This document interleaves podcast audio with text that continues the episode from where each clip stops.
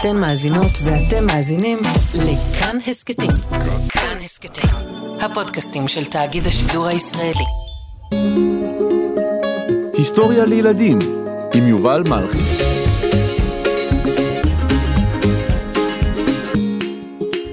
ארנסט שקלטון.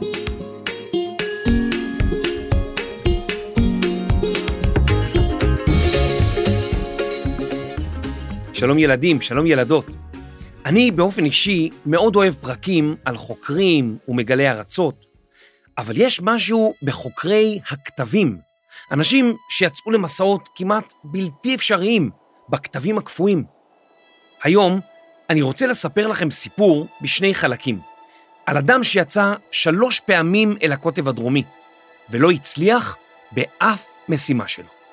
ובכל זאת, הוא זכור לנו עד היום כאחד ממובילי המסעות המרתקים בהיסטוריה. שמו היה ארנסט שקלטון.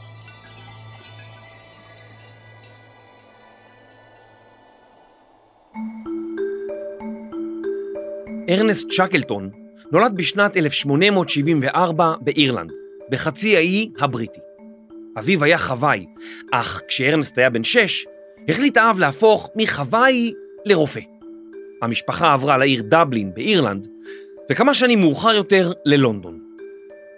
כשארנסט היה צעיר, הוא למד עם מורה פרטית, ורק בגיל 11 הלך לבית הספר.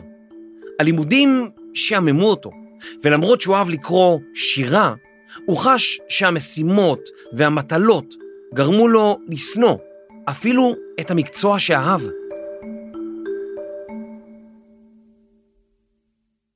כמה אני אוהב שירה, אני אוהב לקרוא שירים, אני אוהב לשיר שירים, אני אוהב כל מיני שורות משירים, אני אוהב שירים באופן כללי. תלמידים, עליכם להעתיק שיר שלם למחברת, ואז לכתוב. מה לכתוב, המורה? אני, אני אוהב שירים. לכתוב מחברת שלמה, ועוד מחברת, ועוד מחברת, ועוד מחברת. המורה, אני לא אוהב את כל זה. להתראות. ארנסט, חזור הנה. לאן אתה הולך? אתה תלך לאיבוד דרך המרפסת. המורה, כך ברא אותי הטבע. אבל חוכמה זה כתוב בספרים, בשירים, במפות הכוכבים, לא? המורה, אלף כבאים לא יצליחו לכבות אותי. טוב, אוף גוזל, אוף. אוף.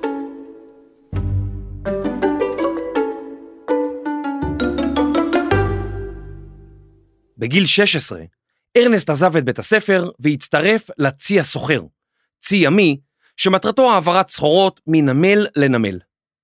ארנסט נהיה למלח והפליג לכל מיני מקומות בעולם. הוא פגש אנשים שונים ומשונים, ואפילו הפך לקצין, אדם בעל דרגה בכירה בספינה. שמונה שנים לאחר שהחל להפליג, הוא עבר בחינות למפקד ספינה. ועתה יכול היה לפקד על ספינות בריטיות. קפטן שקלטון! תצדיעו, תצדיעו.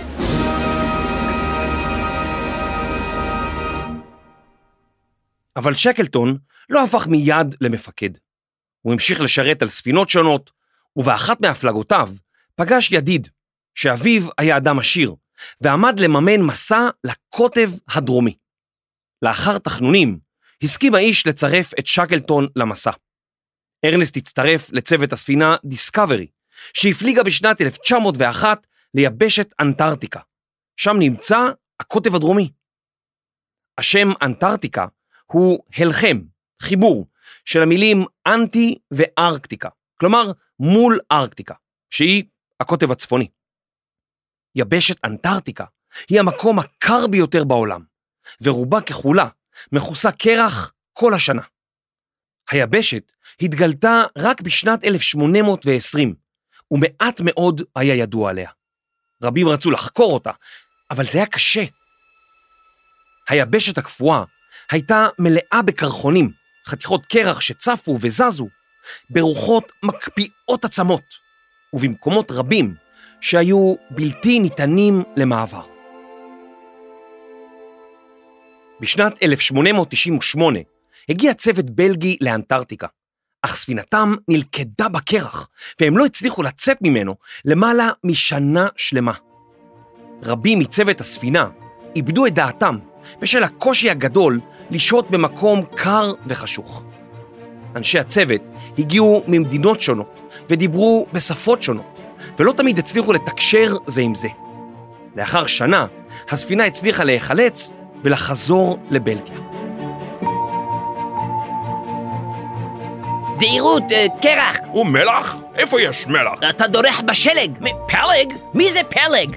זהירות קרחון! אה, שלגון! אה, בטעם לימון! אוי, זה מסובך! אוי, לא, אני, אני לא מלוכלך! מה פתאום אני מלוכלך? אני לא... אוי, זה קשה. מה, איפה משה? משה? משה בוא? איפה? משה? משה?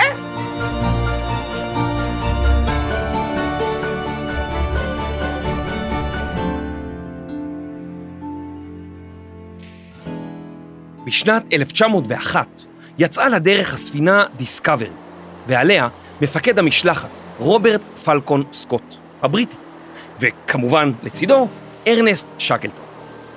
משהגיעה הספינה לאזור הקוטב, היא נקלעה לקרח שהקיף אותה מכל צדדיה, ועד מהרה היא פשוט נתקעה.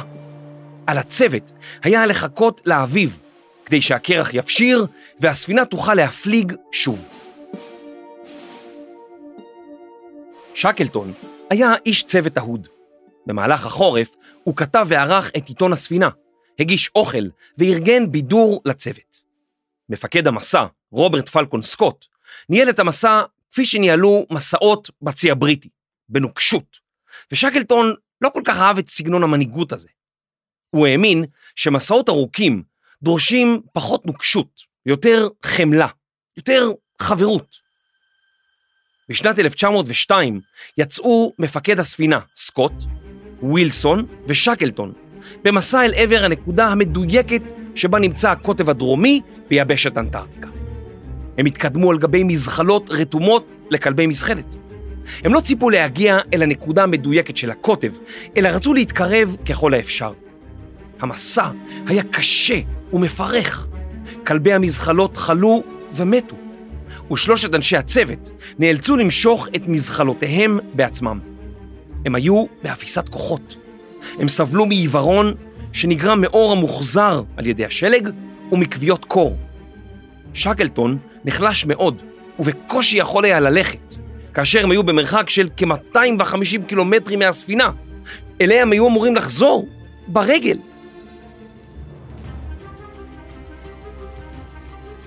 חודשיים לאחר שיצאו למסע, בחודש ינואר 1903, הצליחו השלושה לחזור לספינה.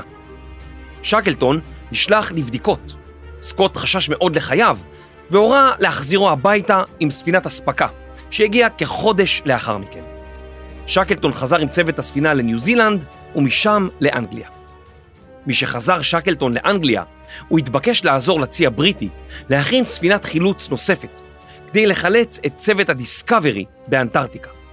אבל בסופו של דבר, הצליחו סקוט וצוותו לחלץ את הדיסקאברי, ובשנת 1904 חזרו לאנגליה כגיבורים.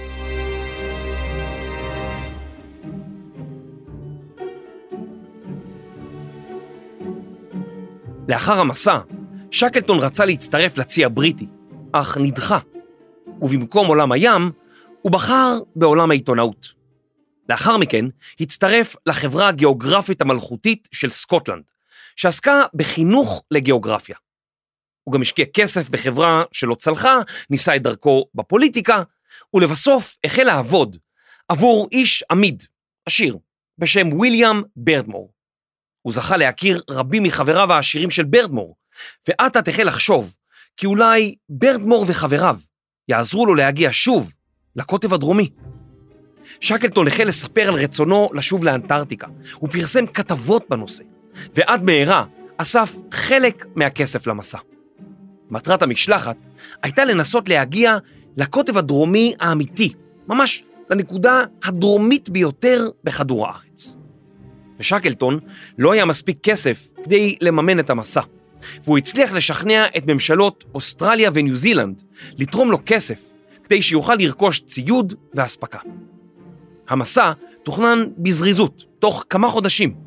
ספינה קטנה יחסית בשם נמרוד או נמרד נרכשה עבור המסע.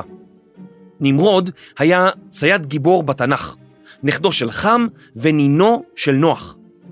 באנגלית המילה הפכה עם השנים למילה נרדפת לצייד, וכיום משתמשים בה גם כדי לתאר אדם לא חכם במיוחד. אבל זה באנגלית, וכמובן בעברית, נמרוד הוא גיבור. אז אם קוראים לכם נמרוד, תהיו גאים בשם שלכם, ואם אתם מגיעים לארצות הברית, תגידו שקוראים לכם נימי.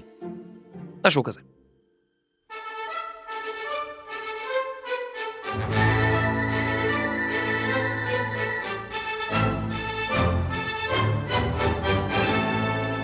בשנת 1907 יצאה לדרך משלחת נמרוד. למשלחת הצטרף חברו של שקלטון מהמסע הקודם, פרנק ויילד, וגם אנשי צוות רבים, מדענים וחוקרים. לאחר שהספינה הגיעה לניו זילנד, היא נגררה על ידי ספינה ניו זילנדית לאורך 2,600 קילומטרים אל עבר אנטארקטיקה, כדי לחסוך בדלק. על הספינה היו סוסי פוני סיבירים וכלבי מזחלות, וכן רכב מיוחד שנבנה עבור המשלחת. רכבים היו המצאה חדשה באותה תקופה, והגלגלים הדקים של הרכב גרמו לכך שהוא הרבה לשקוע בשלג, ולא היה בשימוש רב. כשקפטן רוברט פלקון סקוט שמע ששקלטון יוצא לאנטארקטיקה, הוא דרש שלא יעגון היכן שהוא אגן, במצר מקמרדו, מפני שהוא תכנן מסע נוסף לקוטב הדרומי. שקלטון לא הסכים עמו, אך החליט לנסות להגון במקום שונה. הוא הגיע למפרץ שהיה מלא בלוויתנים, וכינה אותו מפרץ הלוויתנים. הוא לא מצא מקום נוח להגינה, ולבסוף, בינואר 1908, אגן במיצר מקמרדו, בדרום אנטארקטיקה. שקלטון ואנשיו חיכו לזמן המתאים לצאת למסע, ובינתיים טיפסו על הר סמוך בשם ארבס, בגובה של 3,800 מטרים. באנטארקטיקה, ובכלל בחלק הדרומי של כדור הארץ, עונות השנה הפוכות משלנו. כשסתיו אצלנו, אביב אצלם, וכשקיץ אצלנו, בדרום כדור הארץ, קר. בחודש אוקטובר, באביב של אנטארקטיקה, החלו שקלטון ושלושה אנשי צוות נוספים במסע אל עבר הקוטב הדרומי, בטמפרטורות מתחת לאפס. שקלטון חישב כי הקוטב היה במרחק של כמעט 3,000 קילומטר. 3,000. זה כמעט כמו ללכת מהחרמון לאילת שש פעמים. הם הלכו במסלול שונה מזה שבחר סקוט במסע הקודם, והם גילו שהמסלול שבחרו בו היה נוח בהרבה. בדרך הם חפרו בשלג והטמינו מזון לדרך חזרה. לאחר 30 יום במסעם, הם הגיעו לנקודה מרוחקת יותר מזו שאליה הגיע סקוט שש שנים קודם לכן. בדרך הם זיהו קרחון ענק, ושקלטון קרא לו על שם המממן העיקרי של המסע, קרחון ברדמור. המסע היה מפרך, בשלג, בקרח, בקור בלתי רגיל, בדרך המצריכה טיפוס על הרים וקרחונים, מעבר בין נקיקי שלג צרים וקרח לא יציב. אפילו סוסי יפוני הסיבירים לא עמדו במסע. 40 יום לאחר שיצאו למסע, מת סוס הפוני האחרון שלהם, והם נאלצו לסחוב את האספקה שלהם בעצמם. שקלטון הורה לצוותו לאכול פחות, והם המשיכו להתקדם אל עבר הקוטב הדרומי, שהיה במרחק של יותר מ-400 קילומטרים. המשלחת רצתה מאוד להגיע אל הקוטב הדרומי, אבל בלי ציוד מתאים, בלי מספיק מזון ועם סופות קור ושלג, זה היה בלתי אפשרי. לאחר 73 יום, הם היו במרחק של כ-200 קילומטרים מהקוטב, הנקודה הקרובה ביותר לקוטב שאליה הגיעו בני אדם. שקלטון החליט שאם ימשיכו, הוא יסכן את חיי אנשיו, והחליט לעצור ולחזור. הם תקעו בשלג דגל בריטניה, קראו לשטח שבו שהו על שם המלך אדוארד השביעי, והחלו לעשות את דרכם חזרה. לימים, אשתו של שקלטון שאלה אותו, מדוע לא המשיך? והוא ענה לה, אני בטוח שאת מעדיפה חמור חי על פני אריה מת. בדרכם חזרה לספינה, פרנק ויילד חלה, ולא היה מסוגל לאכול כלום חוץ מביסקוויטים. שקלטון ויתר על הביסקוויט היומי שלו, ונתן אותו לוויילד, שלא שכח לעולם את המחווה. ארבעת החברים היו רעבים מאוד. האוכל כמעט ואזל. הם רזו, והעצמות שלהם כאבו. למרות זאת, הם המשיכו להתקדם בקצב מהיר, ועשו שימוש במפרש שהוצב על המזחלת ועזר להם להתקדם. הם הגיעו לנקודות השונות שבהן החביאו מזון, ובסוף חודש פברואר הגיעו למחסן מזון שמולא בכל טוב על ידי הצוות שנשאר על הספינה. שקלטון נתן הוראות בתחילת המסע, שב-1 במרץ על הספינה היה להפליג צפונה ולא לחכות להם. עכשיו היה חודש פברואר, והם היו חייבים למהר, כדי שהספינה לא תפליג בלעדיהם. כשהם היו כ-60 קילומטרים מהספינה, אחד מחברי הצוות, מרשל, התמוטט. שקלטון השאיר אותו עם איש צוות נוסף, והוא ופרנק ויילד התקדמו במהירות, עד שהצליחו להגיע לספינה לפני שיצאה לדרכה. משלחת נשלחה להציל את שני חברי הצוות שנשארו מאחור, וב-4 במרץ, לאחר 126 יום, חזרו ארבעת אנשי המשלחת לספינה. בחיים. בואו נקפוץ לקוטב לשנת 1909. אוי, שואו, איזה קור פה, למה לא אמרתם לי להביא מעיל? שקלטון, איך היה המסע? קר, קר, קר, קר, קר, קר?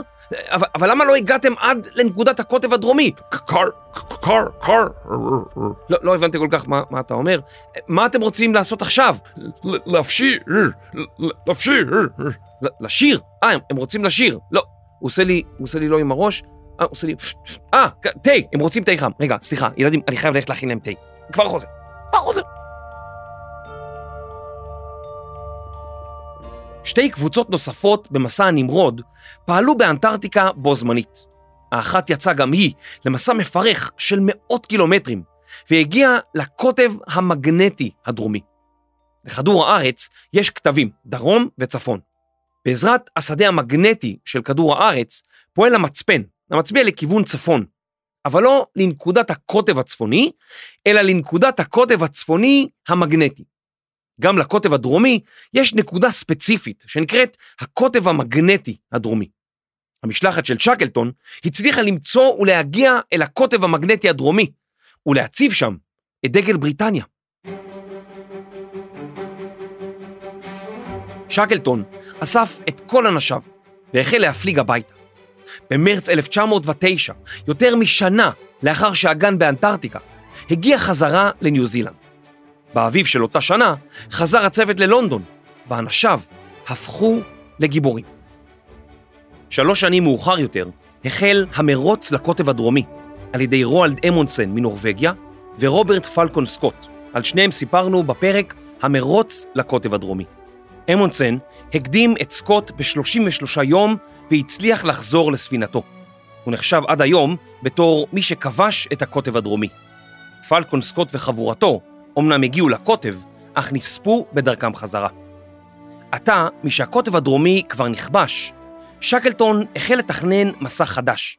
מסע לחציית יבשת אנטארקטיקה, ממערב לדרום, מרחק של כ-2,500 קילומטרים, בערבות קרח קפואות, דרך הרים וקרחונים, מסע מסוכן ומרהיב. חוקר גרמני בשם ויליאם פילכנר ניסה לצאת למסע דומה בשנת 1911, אך נכשל. שקלטון החל לארגן מימון למסע, וקיווה שהפעם הוא יצליח. זה עמד להיות אחד המסעות המפורסמים בהיסטוריה, המסע של האנדורנס.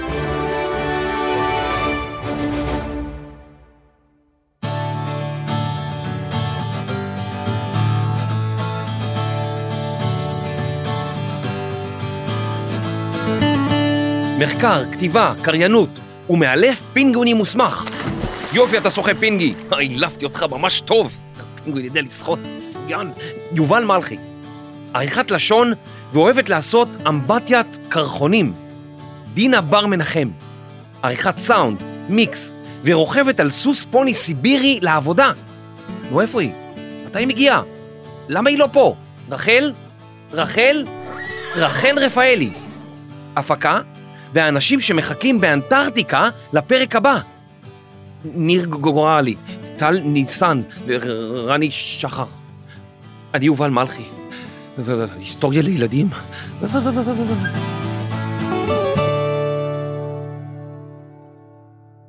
היי, תודה שהאזנתם.